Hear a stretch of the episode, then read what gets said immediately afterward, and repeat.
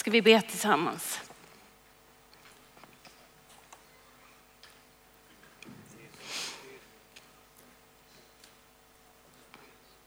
Herre, jag tackar dig för att du är kungars kung och herrars herre. När vi sjunger hela vägen går han med mig så är det sant. Herre, det är inte bara en teori som vi tror på utan det är sant. Jag ber dig Herre att jag inte ska stå i vägen för dig. Jag ber dig Herre att ditt ord ska stå i centrum. Jag ber dig Jesus att du ska uppenbara dig, inte för min skull, men för mina vänner som är här. Jesus, du som förmår att göra långt mer än vi kan be eller tänka. Du som förmår att göra det vi inte kan tänka ut. Du som tar vägar som ingen kunde ana. Jag ber att du ska välsigna mina vänner som är här. Just av det skälet. Herre, jag tackar dig för att du välsignar den idag som sitter här med sorg. Som känner att sorgen griper så djupt in i min själ. Den som sitter här och är rädd. Far, grip in. Tack att ditt ord säger att den kärlek som du har fördriver all rädsla. Och Herre, jag tackar dig för att jag får öppna dörren, driva rädslan ut, därför att du, helige ande, är här med din väldiga kraft. Åh, jag tackar dig Jesus. Tack att jag får vara din. Tack att alla som säger Jesus min Herre får vara din. Tack att vi får lägga hela den här stunden i dina händer. Och jag vill också be särskilt för den som känner sig så sjuk. Som inte orkar egentligen vara här men som är här ändå. Uppenbara din kärlek till den så att hälsa och läkedom kommer in. Tack Jesus. Amen.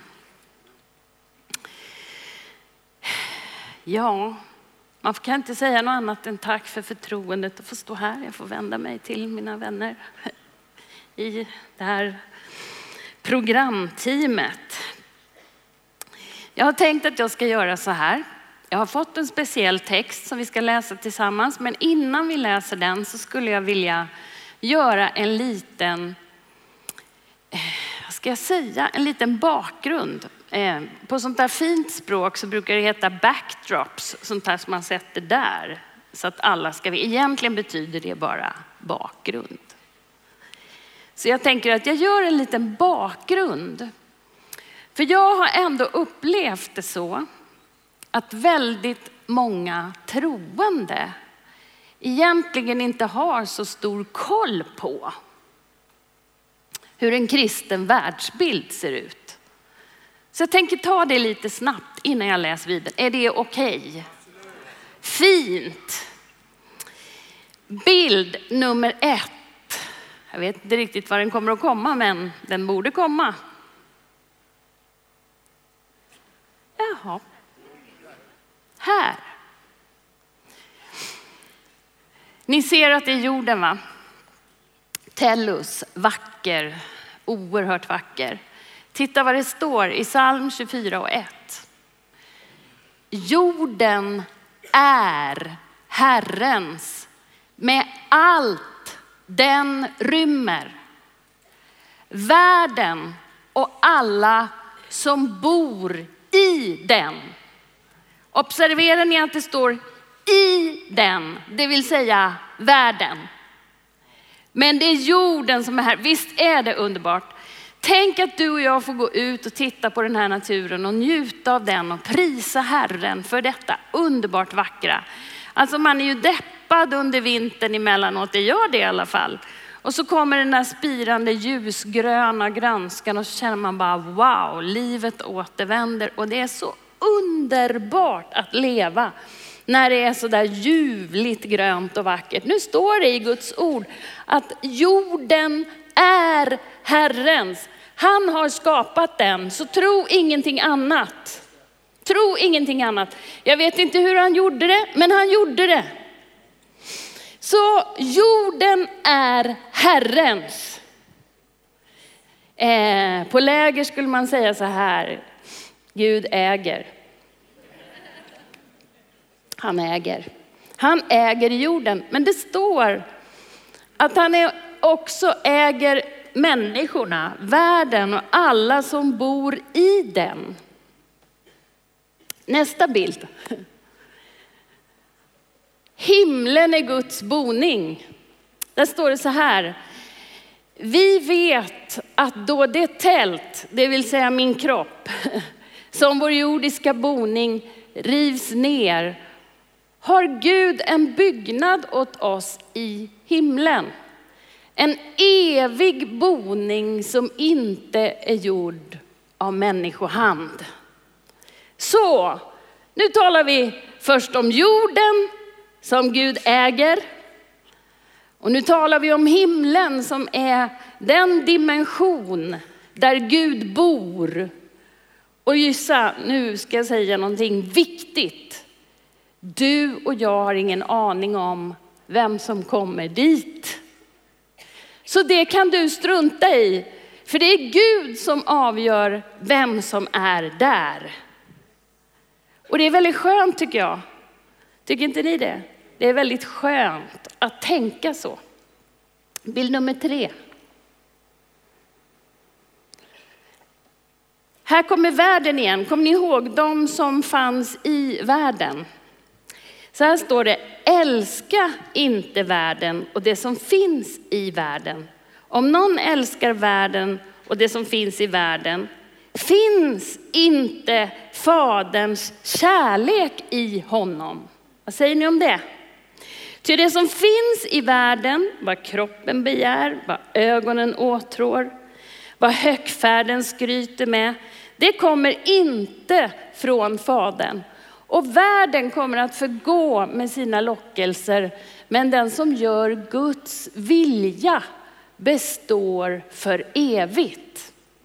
Jag har gjort en liten pil där för att beskriva världen. Världen är alltså inte en plats, utan ett system. Ett system där människor lever. I den första texten så läste vi att människan finns i världen. Fast Gud har skapat jorden. Och i världen, de allra flesta texter i Nya Testamentet, om du ska, om du ska tänka på världen som ett begrepp, så är det inte en plats. Utan det är ett system. Det är ett system där människor är fångade. Och det står i första Johannes brev, det femte kapitlet och den nittonde versen, så står det att hela världen är i den ondes grepp. Det betyder att han är motor i världen. Så de värderingar som man bygger på i det här systemet, det är inte Guds värderingar. Utan det är värderingar som har till syfte att bryta ner och förgöra och ta död. Det känns väldigt viktigt för mig att säga. Att världens system, det är inte, Eh, det är inte Guds, utan det är djävulens. Därför säger Jesus så här, jag har inte kommit till världen för att döma världen, utan för vad då? Rädda världen. Vad är det han ska rädda? Är det systemet han ska rädda? Nej, han ska naturligtvis rädda människorna som finns i världen. Och om du läser Nya Testamentet så, så kommer du att förstå saker som du inte har förstått tidigare. Så nu ska vi titta på nästa bild. Det vore ju förfärligt om det bara fanns ett system i världen som hette världen. Nu är ju Gud så oerhört god så att han har faktiskt ett motrike mot världen och det är Guds rike. Och där säger Jesus så här till fariseerna, tillfrågad av fariseerna om när Guds rike skulle komma, för de tänkte att det var en plats. Så svarade Jesus, Guds rike kommer inte på ett sådant sätt att man kan se det med sina ögon. Ingen kan säga, här är det. Nej, Guds rike är inom er. Och Guds rike som är inom er drivs av den helige ande. Är ni med? Och ett av de verktyg som Gud har för sitt rike är din, ditt, ditt liv naturligtvis, men också församlingen. Församlingen är Kristi kropp. Guds rike har en kropp, synlig, tydlig i världen. Avsikten är att Gud ska speglas i det som är vi tillsammans. Så du, låt bli att bråka. Vi har inte tid med det. Vi behöver faktiskt leva i en levande gemenskap med Jesus Kristus som är huvudet för församlingen. Jag undrar vad han tänker när vi håller på och tjafsar. Du vet, din församlingsledning är inget extra huvud som sitter så här på kroppen någonstans och har en egen agenda. Utan Bibeln beskriver kroppen som att dina ledare i din församling hemma, de finns där det behöver samordnas i kroppen. Men huvudet, Jesus Kristus. Jesus Kristus, det är han. Vad är det som gör att du och jag faktiskt kan bli födda av Gud. I första Johannes 5 och 4 så står det så här, eftersom alla som är födda av Gud besegrar världen. Och detta är den seger som besegrat världen. Vår tro. Tro på vad då? Japp, det är det vi ska titta lite noggrannare på idag. För att förstå Guds kärlek så måste man förstå att Guds kärlek, Gud som är kärlek, Guds kärlek är grundmotivet för allt han gör. Alltså, ibland så tänker Guds folk att det är liksom domen som är hans grundmotiv. Nej, det är en konsekvens av kärleken. Grundmotivet för att Gud är kärlek och den kärlek som Gud har, den finns i allt han gör. Och jag tänker att om man läser gamla testamentet så blir man alldeles knockad av Guds kärlek. Eh, har ni läst gamla testamentet? Vi har gjort det hemma i vår församling under, den här, under det senaste året. Och vi är knockade av Guds kärlek.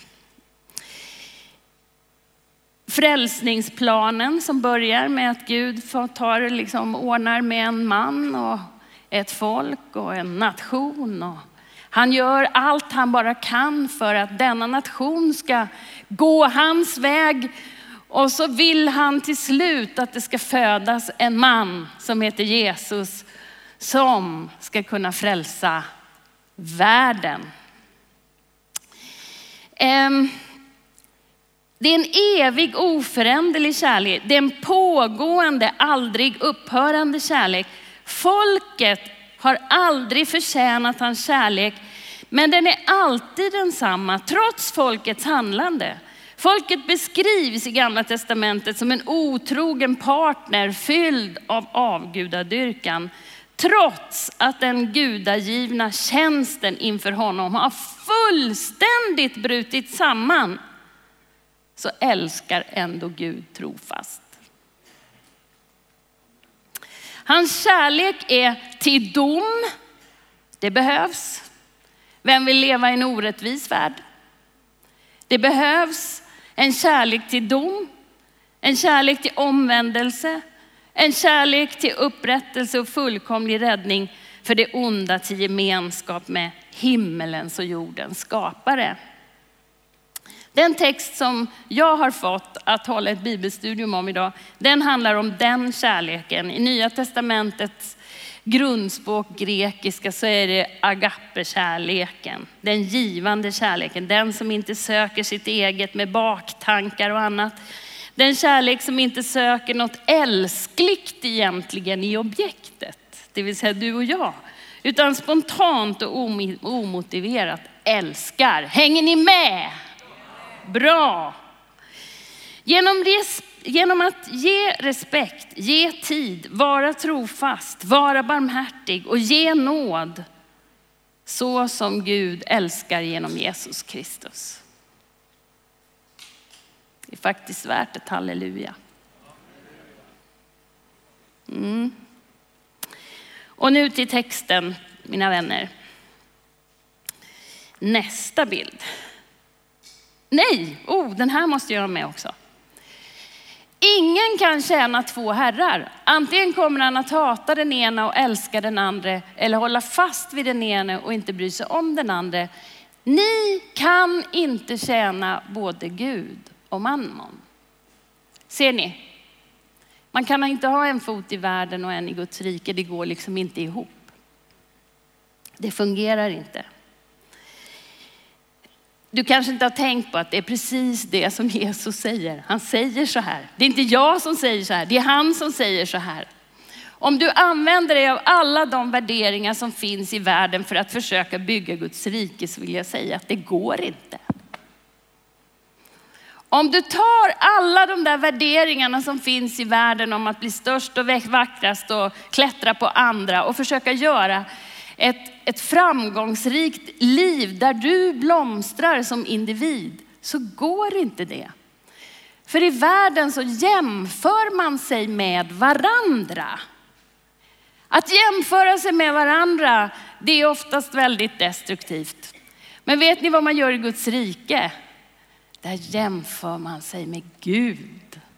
Och du vet, då funkar det aldrig. För det spelar ju ingen roll hur jag gör, så är jag ju aldrig i klass med Gud. Men det är ju det som är så härligt, för då får jag hans nåd. Tänk att få vara en syndare frälst av nåd. Hörrni, nu vill jag se den där texten. Mina kära, låt oss älska varandra. Ty kärleken kommer från Gud. Och den som älskar är född av Gud och känner Gud. Men den som inte älskar känner inte Gud eftersom Gud inte bara känner kärlek utan är kärlek. Det är hans person, hans motiv, hans allt. Så uppenbarades Guds kärlek hos oss. Han sände sin enda son till världen för att vi skulle få liv genom honom. Detta är kärleken. Inte att vi älskat Gud, utan att han har älskat oss och sänt sin son till försoningsoffer för våra synder. Alltså den största kärleken, jag har några minuter på mig så skriv fort och var med snabbt. Eh, för att det största som har hänt i världshistorien av kärlek och det underbaraste som hänt, detta att Gud sänt sin son till försoningsoffer för våra synder. Det låter sig inte göras på några minuter. Så häng med. Ser ni, jag tänkte så här förresten ni som allihopa förstår precis vad det handlar om med försoningsoffer, att Jesus är försoningsoffer för våra synder. Res dig upp om du förstår det.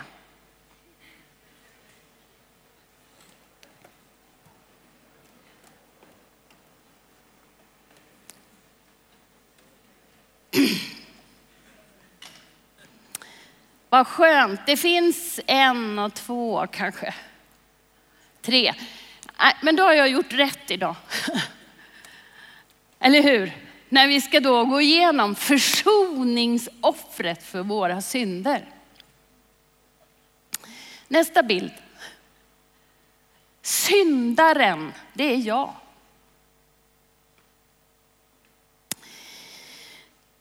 Låt oss titta lite på vår verklighet.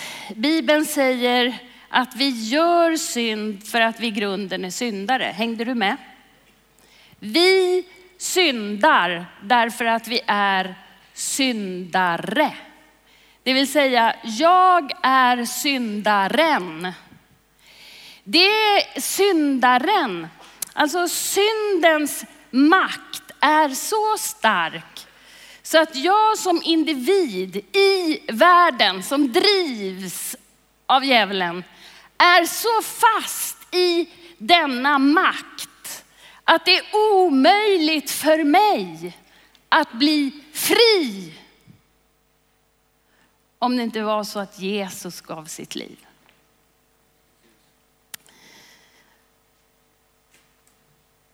Det som är, den som är syndare som jag är drabbad av ondskans makt.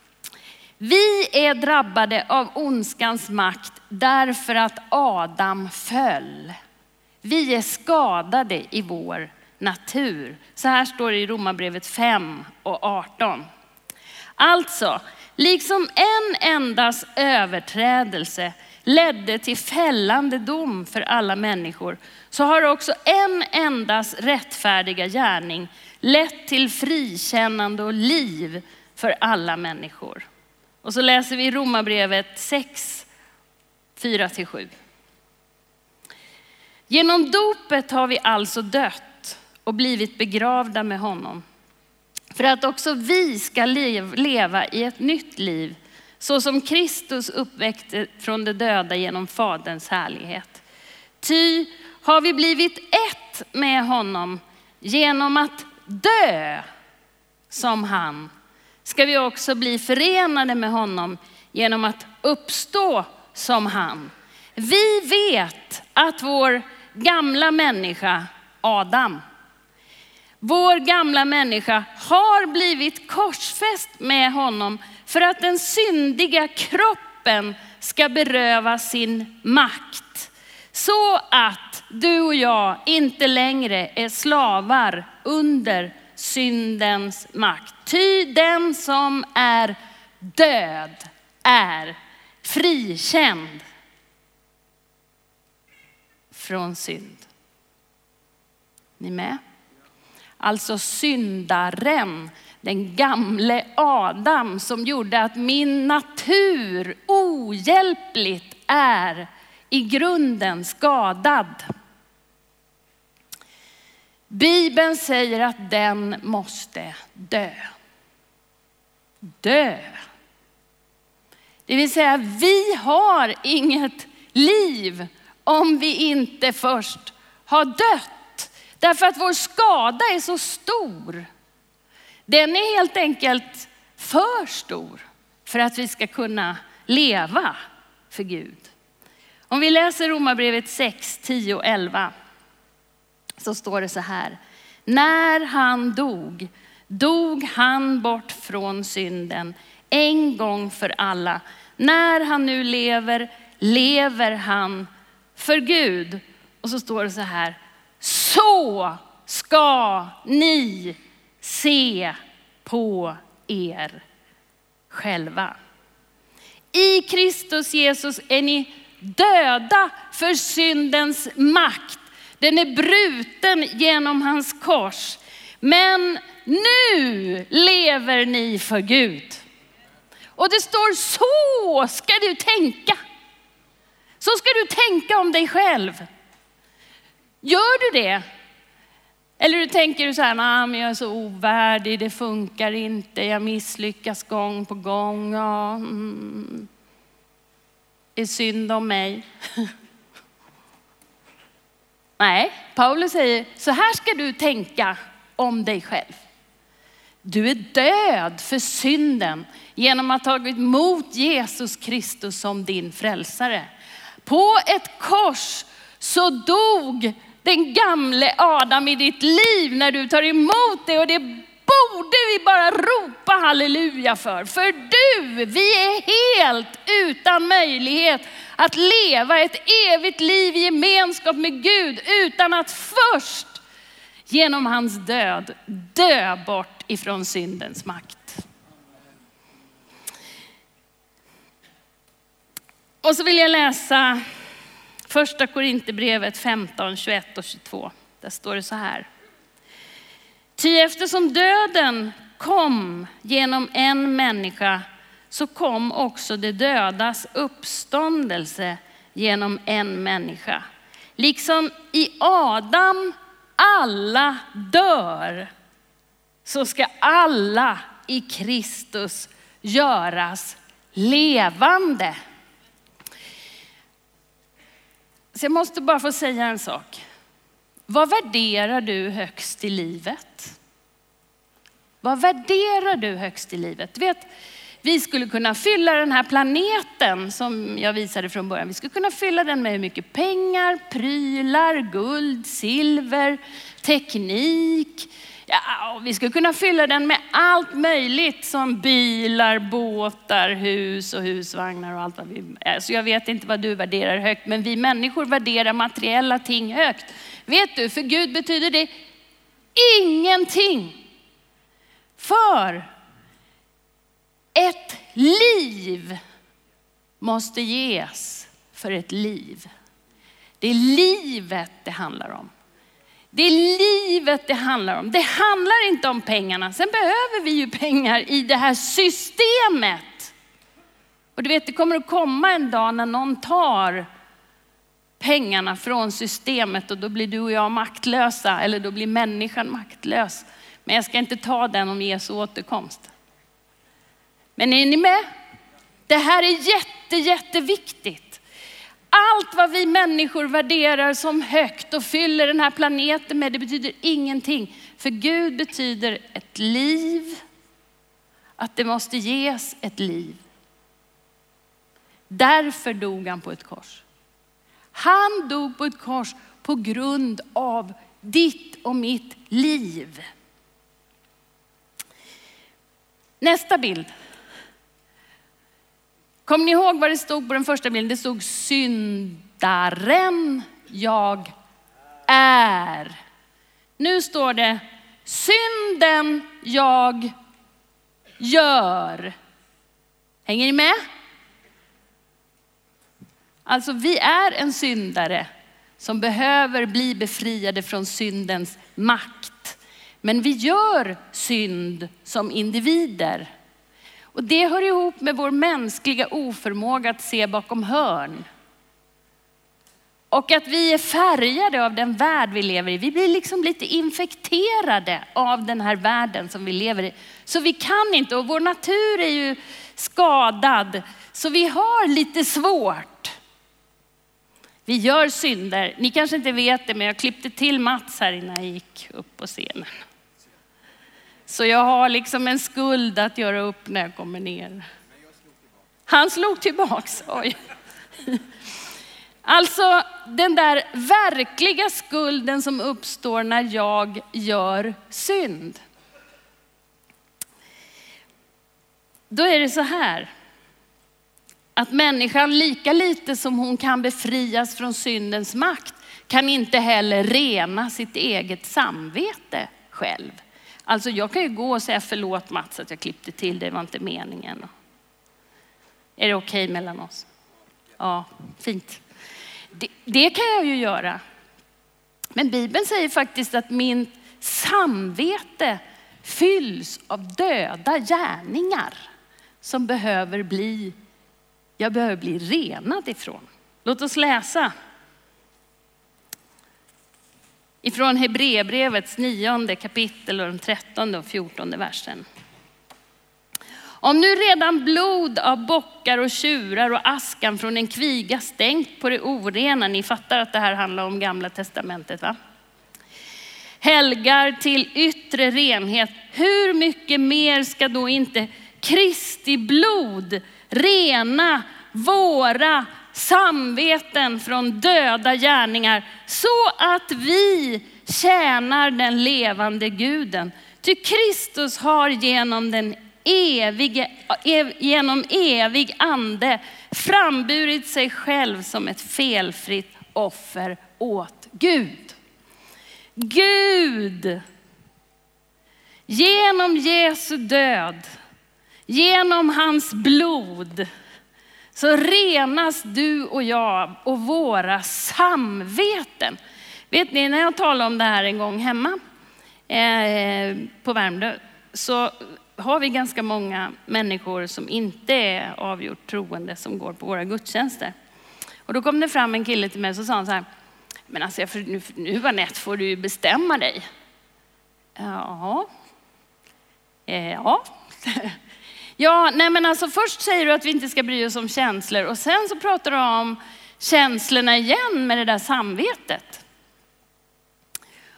Och då hade jag inget bra svar på det så att jag blev ganska tyst och så sa jag, du det där får jag tänka på. Och så insåg jag till slut att massor med människor kopplar samvetet till känslolivet. Hänger ni med? Så att vi känner en massa saker. Men om jag har förstått Bibeln rätt så är, Bibeln ett, eller så är samvetet ett instrument som har ett rättsmedvetande från Gud. Och det rättsmedvetandet blir genom syndiga gärningar liksom skevt. Och det behöver kalibreras, heter det så? Så att det liksom blir helt, så att instrumentet kan fungera igen. Alltså rättsmedvetandet, eh, moral, etik. Alltså det här som Bibeln talar om som nödvändigt för att ett liv ska fungera i gemenskap med andra. Det är samvetet. Men massor med människor har ju ett samvete som inte är Eh, det där instrumentet, utan man har blivit, man har lagt, människor har lagt en massa skuld på folk. Som gör att helt plötsligt så har man dåligt samvete för en massa saker som man faktiskt inte har någon skäl att ha ont i samvete för. Även om min mamma säger så här, ah, Anette jag blir så ledsen för att du inte kramade mig i torsdags. Då har min mamma lagt skuld på mig. Den skulden hör egentligen inte alls ihop med mitt samvete, utan det är, en, det är liksom en falsk skuld. Och den falska skulden är jättemånga känslomässigt plågade av. Och det hör ihop med att man är manipulerad av världen. Man är manipulerad av världen så att man har en massa skuld. Jag menar hur många här går omkring och känner att jag har inte jobbat tillräckligt hårt fast jag har jobbat 40 timmar och så har du dåligt samvete av det. Jag skulle kunna säga räck upp handen. Jag ska inte göra det. För jag vet att många skulle räcka upp handen. Men vet du, Gud har gett dig ansvar för ditt liv. Han har gett dig ansvar för att du ska följa det samvete som han har gett dig. Det är Guds instrument i ditt liv. Och så här är det för mig, att när jag begår misstag som jag behöver göra upp med Mats, då får jag skavsår här inne i mitt samvete. Men man behöver vara noggrann med så att man inte tar på sig skuld som någon annan har lagt på en för att styra en. För det är inte samvetet, det är manipulation. Och jag tror att vi skulle behöva ha en kurs i det, eller, eller hur? Tillsammansprojektet skulle behöva ha en kurs i hur man förhåller sig till samvetet som det instrument som Gud har lagt ner i våra liv och till den falska skuld som världen lägger på oss för att manipulera oss och driva oss dit man vill. Men här står det i den här texten vi läste att Kristi blod renar våra samveten från döda gärningar, det vill säga Kristi blod korrigerar ditt och mitt samvete. Det är därför vi sjunger om blodet. Det är därför vi talar om blodet. Det är därför vi ber att Jesu blod ska rena mig. När vi firar nattvard imorgon så är det ju liksom det här vi kommer att hålla på med. Du är död på grund av korset. Ifrån den gamla naturen. Uppstånden till ett nytt liv. Och du har fått ett rent samvete genom Jesu blod. Och då när vi firar det, då ska vi ju fira det. Och då säger Paulus så här, så ska ni tänka om er själva. Alltså om jag nu skulle piska er lite, vilket man inte ska göra som predikant, för det är manipulativt, så skulle jag ändå vilja piska er lite på den här frågan. För det är nämligen så här att du behöver tänka på vad Jesus har gjort och inte hålla på och tänka på hur dålig du själv är. För du vet, tänk om Israels folk en enda gång hade tänkt på hur dåliga de själva var. Så hade de kanske rätat upp det där som aldrig funkade. Men de lyckades aldrig, lika lite som vi kommer att lyckas. Så här brukar jag tänka. När Jesus dog på korset, när blodet rann och renade mig från synden, då blev jag fri. Och då flyttade jag in i Guds nådes hus. Jag tog ett steg in i det här huset. Och du vet, här inne trillar jag ibland. Här inne misslyckas jag ibland. Här inne är det svårt ibland med relationer. Jag är tvungen att reda ut dem och reda upp dem. Men jag bor i hans försonande kraft och nåd. Bor inte du där, då behöver du inte vara rädd. Varför ska du inte vara rädd? Anden påminner dig gång på gång på gång om att den som är rädd är rädd för straff. Men du bor ju i hans rättfärdighet. Alltså, ja. Du bor i hans rättfärdighet. Åh, tack Jesus. Tack Jesus. Vi ska läsa också från Romarbrevet 10, 19 till 23.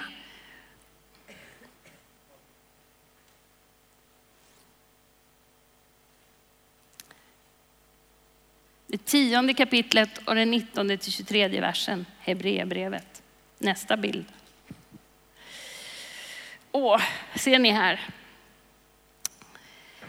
Så kan vi då mina bröder och systrar, tack vare Jesu blod, frimodigt gå in i helgedomen på den nya levande väg genom förhänget.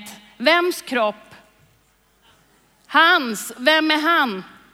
Jesu kropp. Som har invigt oss vi har en stor överstepräst. Vem är det? Jesus. Som är satt att råda över Guds hus. Låt oss därför träda fram inför Gud med uppriktigt hjärta och full trosvisshet. Med ett hjärta som renats och inte vet av någon synd och med en kropp som badats i klart vatten. Låt oss orubbligt fortsätta att bekänna vårt hopp. Ty han som gav oss löftena, han är trofast. Halleluja. Halleluja. Alltså Guds stora kärlek som vi läste ifrån första Johannes brev, det fjärde kapitlet och den sjunde och tionde versen är livsavgörande för oss. Utan den kärleken så vore vi förlorade. Alltså Jesus friköpte våra liv. Ett liv måste ges för våra liv. Och jag har sagt det förut, i Guds värld är pengar inte något dyrbart, utan det är livet det handlar om.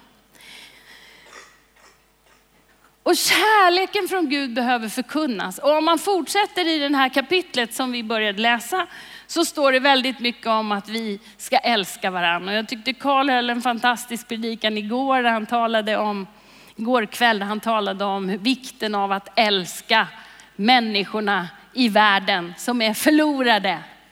Onådda som nådda. Alltså att älska så som Jesus älskade. Men jag tänker lämna det vidare till andra som kommer. Och så tänker jag läsa två bibelord till. Eftersom Guds kärlek till oss är så stor och omfattande så är vi uppmanade att älska varandra. Och nu vill jag läsa Kolosserbrevet 1. Alltså jag förstår mig inte riktigt på den här klockan. Hur lång tid har jag på mig?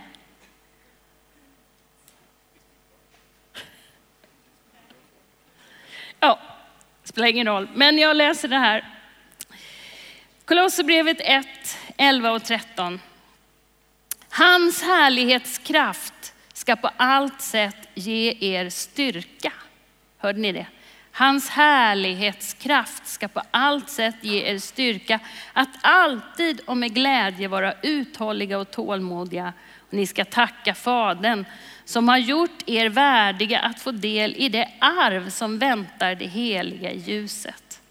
Han har räddat oss ur mörkrets välde och fört oss in i sin älskade sons rike.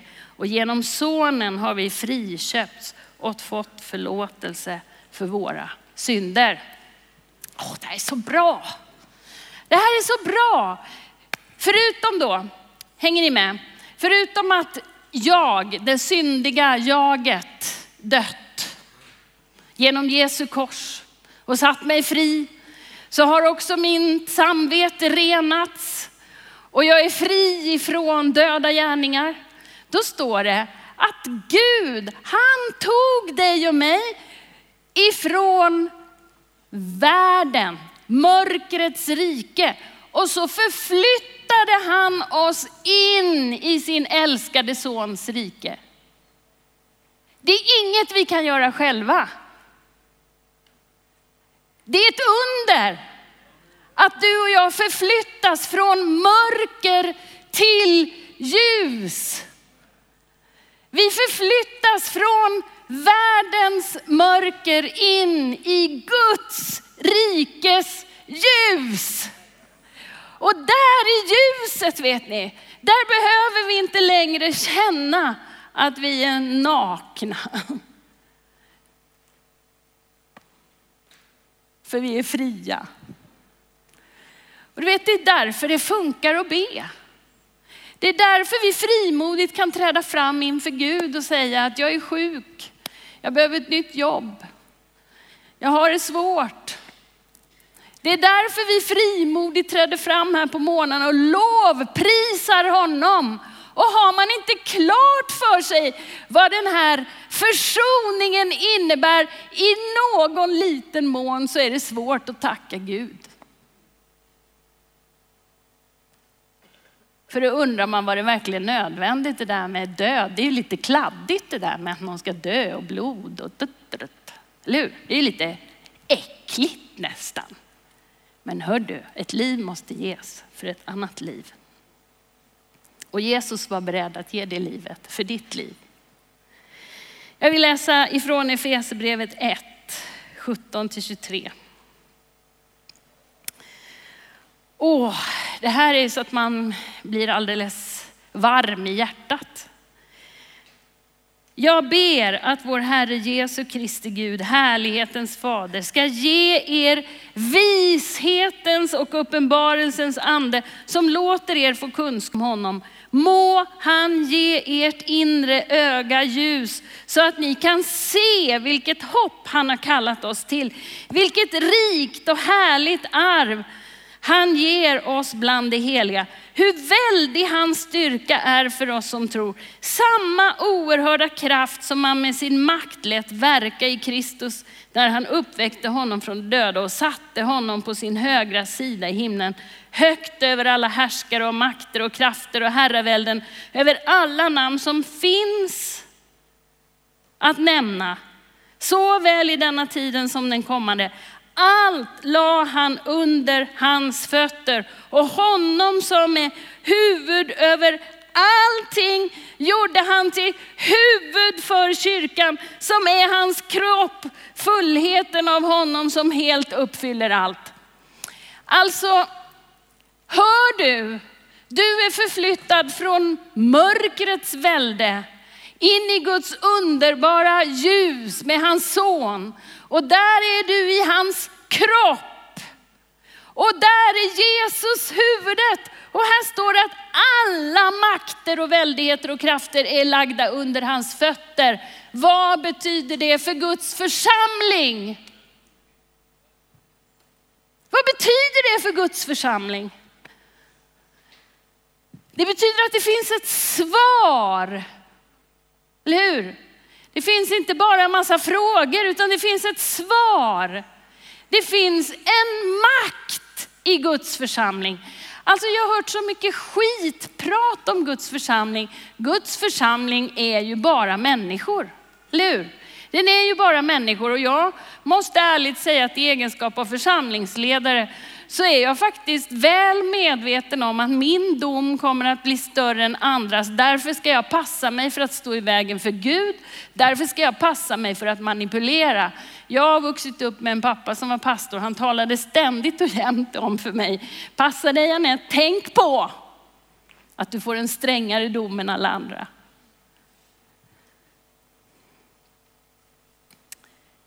Men du vet att Guds församling, det är Jesus som är huvudet och under församlingen, så Jesu fötter, finns alla dessa härskare och makter. Under, inte över. Det är därför som jag känner att den här bilden är så viktig. Va? Att världen är röd. Men det finns ett rike som övervinner världen och det är Guds rike. Varför? Därför att Jesus är inte bara Herre på papper, utan han är Herre på riktigt. Så är det. Och det tycker jag att jag ser varje vecka. Alltså, vi har länge haft fyra tonåringar på Värmdö. Det är inte så många. Det är en, vi, är en liten församling. vi är en liten församling som håller på att bli en lite större församling. Har haft fyra tonåringar jättelänge. Jag vet, kanske Ville och Frida är här till och med. Fyra tonåringar länge. Helt plötsligt en dag så dräller det 20 in. Som kommer rakt utifrån. De vet ingenting. När jag frågar dem vad de lärde sig på konfirmationen så skulle de berätta för mig om den förlorade sonen och barmhärtige samariten och så blandar de ihop alltihop. Det var vad de kom ihåg. Och du vet, jag är ju en gammal tant. Jag är en gammal tant, jag är ingen hipp ungdomsledare. Men du vet, jag har eh, Anettes kvart med dem. Och när jag kommer dit och har, Anette skrattar inte så. Mats. När jag kommer dit och har Mats kvart med dem, eller Mats. Anettes kvart med dem, så tänker jag ibland så här, varför går de inte här? Där står en gammal tant. Men vi har så här att varje gång när vi avslutar Anettes kvart så har vi något som vi kallar för high and low. Och då har vi bestämt att high betyder vad har varit bra den här veckan och low vad har varit dåligt den här veckan. Och så går vi laget runt allihopa och så får de eh, säga vad har varit bra den här veckan och vad har varit dåligt. Och sen är det nödvändigt att jag ber till Gud. Att det som har varit bra det tackar vi Gud för och det som har varit dåligt det ber vi för. Och du vet, det händer ibland när man börjar bli gammal att man glömmer saker. Och du vet, det där kan jag inte glömma. För så fort jag glömmer det, då är det någon som säger, ah, ah, ah, Anette, high and low. Och du vet, då kommer sånt här. Min kompis har försökt ta livet av sig. Mina föräldrar ska skiljas. Jag kan inte sova om nätterna. Jag skär. Alltså, det kommer, det kommer, det kommer, det kommer. Och jag tänker, hur kom de hit? Här har jag hållit på med församling hela livet. Du vet, man har sprungit trappor och delat lappar och man har stått på torg och sjungit och man har slitit med en massa saker för att människor ska komma. Helt plötsligt så kommer de. Och bara är där. Och det gäller inte bara tonåringar, det gäller andra. Vi har också haft en sån här liten väckelse bland sådana som har varit borta från Gud länge. Alltså sådana som har varit borta, inte bara så här ett år eller två, utan 15 och 20 år. Och det intressanta är att när de kommer tillbaka utan att någon har sagt något, så börjar de reda ut sina liv. Så jag har haft flera vigslar. Och vet du vad som händer med de människorna då? Det är precis som de sätter stickkontakten i väggen. För helt plötsligt så börjar de andliga nådegåvor som de hade innan de gick, kommer i funktion. Så då börjar de profetera och så börjar de att be till Gud när de har förbönsgåvor och de börjar med det ena och det tredje och ingen har sagt hur de ska göra utan de bara kan det. Och vet du, de får börja lära dem som har suttit i kyrkan ett helt liv.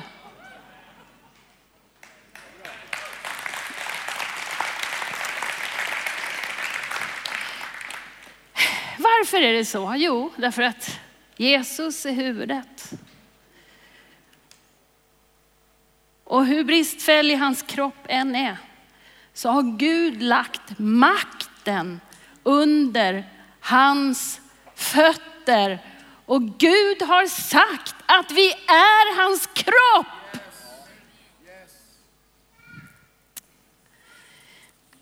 Det här är egentligen jättefarligt att säga. Därför att eh,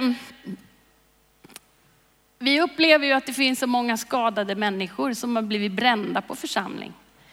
Därför att man har känt att det handlar inte så mycket om Guds kraft och Guds närvaro och gemenskap, utan det handlar mer om jobb. Alltså att vi ska rigga våra gudstjänster på ett visst sätt och vi ska rigga vår verksamhet på ett visst sätt och vi ska rigga och vi riggar och vi riggar och vi riggar och vi riggar. Och till slut så är alla helt slut. Och så har man missat att Jesus är huvudet. Och att kroppen får näring och kraft genom honom som har makten.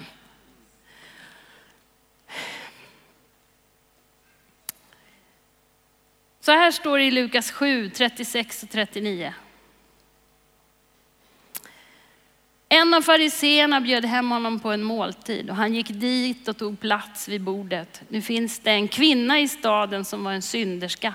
När hon fick veta att Jesus, att Jesus låg till bords i farisens hus kom hon dit med en flaska balsam och ställde, ifrån, ställde sig bakom honom vid hans fötter och grät. Hon vätte hans fötter med sina tårar och torkade dem med sitt hår. Och hon kysste hans fötter och smorde dem med sin balsam. Farisén som hade bjudit honom såg det och sa för sig själv, hör ni, vad skulle ni säga för er själva?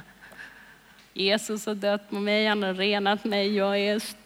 Det ska vi säga för oss själva, men inte den här farisén. Utan han sa, säger för sig själv, om den mannen var en profet skulle han veta vilken slags kvinna som rör vid honom, en synderska. Det är lätt att tänka de här tankarna. Men du vet när Jesus dog på ett kors, Adam dog, du blev, fick ett samvete som var rent och blev befriade. Då är det så att då har Gud bemyndigat dig. Alltså han har trott på dig. Han har tänkt att du är mitt älskade barn. Du är den som jag kallar. Du är den som ska blomstra. Du är inte den som ska jobba ihjäl dig.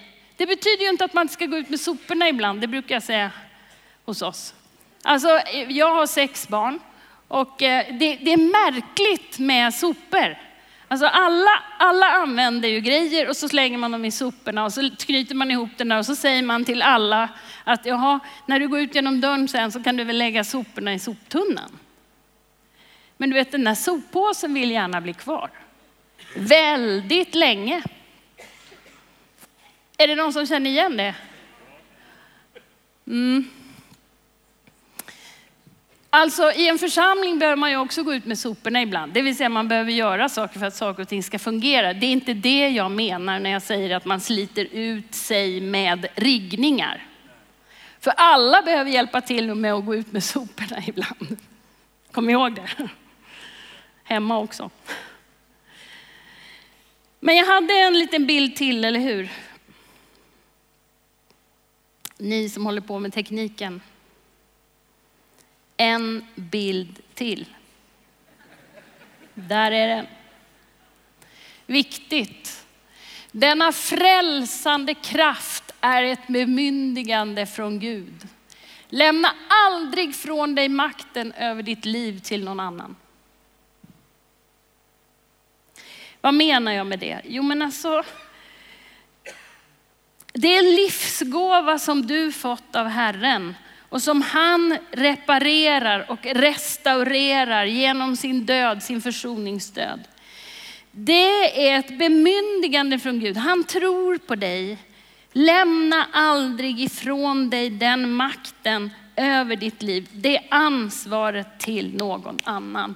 Utan behåll det. Det är inte av egoskäl, utan det är för att du ska kunna tänka om dig själv. Att jag är fri i försoningens kraft. För det finns så många som vill manipulera och som vill lägga på dig krav som inte hör till denna försonande, frälsande kraft. Amen. Alltså jag, jag tänker att det är jättemånga här som behöver förbön. Alltså hur ska, vi, hur ska vi kunna sudda i hjärnan på varandra? Där vi liksom suddar bort det här att inte liksom frälsningen håller. Och istället börja tänka, hans frälsande nåd är allt jag behöver. Den är så stark. Ingenting kan rycka mig ur hans kärlek. Ingenting kan rycka mig ur hans hand. Hans kraft är så väldig. Och du behöver få in det inte bara i din hjärna, utan det behöver gå från hjärna till hjärta, till fot, till hand. Åh, vad jag önskar att jag kunde befria dig ifrån bundenhet. För du vet den där bundenheten, den gör också att anden inte får ta det utrymme som den vill. Ska du inte tala i tungor idag igen? Ska du inte det? Ska du inte tacka Jesus för försoningen? Ska du inte se dig själv som ren och fri?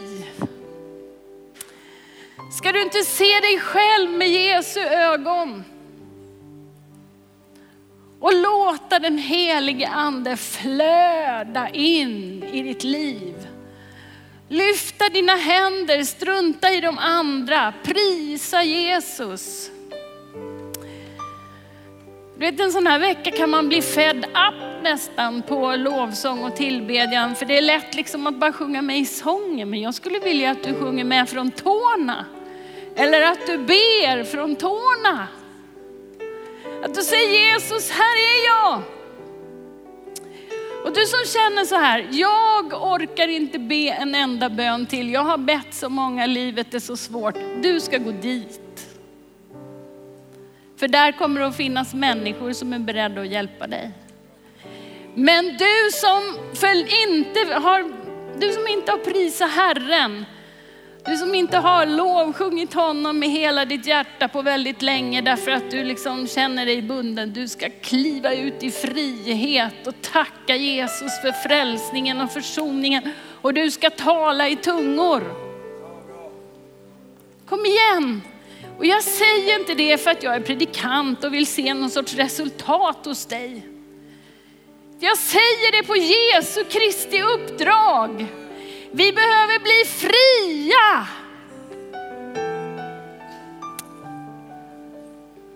Så jag vill bara be en kort bön. Du som inte orkar be längre för att livet är för svårt, gå dit. Du som inte har prisat Herren på länge, var med i lovsången och prisa Herren och tala i tungor. Och nu ber jag en kort bön och nu går jag ner och sätter mig för annars håller jag på för länge. Jesus, jag tackar dig. Åh, jag prisar dig. Du vet att det vore helt omöjligt för mig att stå här. Om det inte var för din frälsande kraft. Tack Jesus att du välsignar alla mina vänner här. Du vet vem de är, du visste vem de var långt innan de blev till. Alla deras dagar är upptecknade i din bok. Innan en enda av dem har kommit, Herre, så vem är vi att ifrågasätta en enda människas liv? Du har gett ditt liv för ett liv.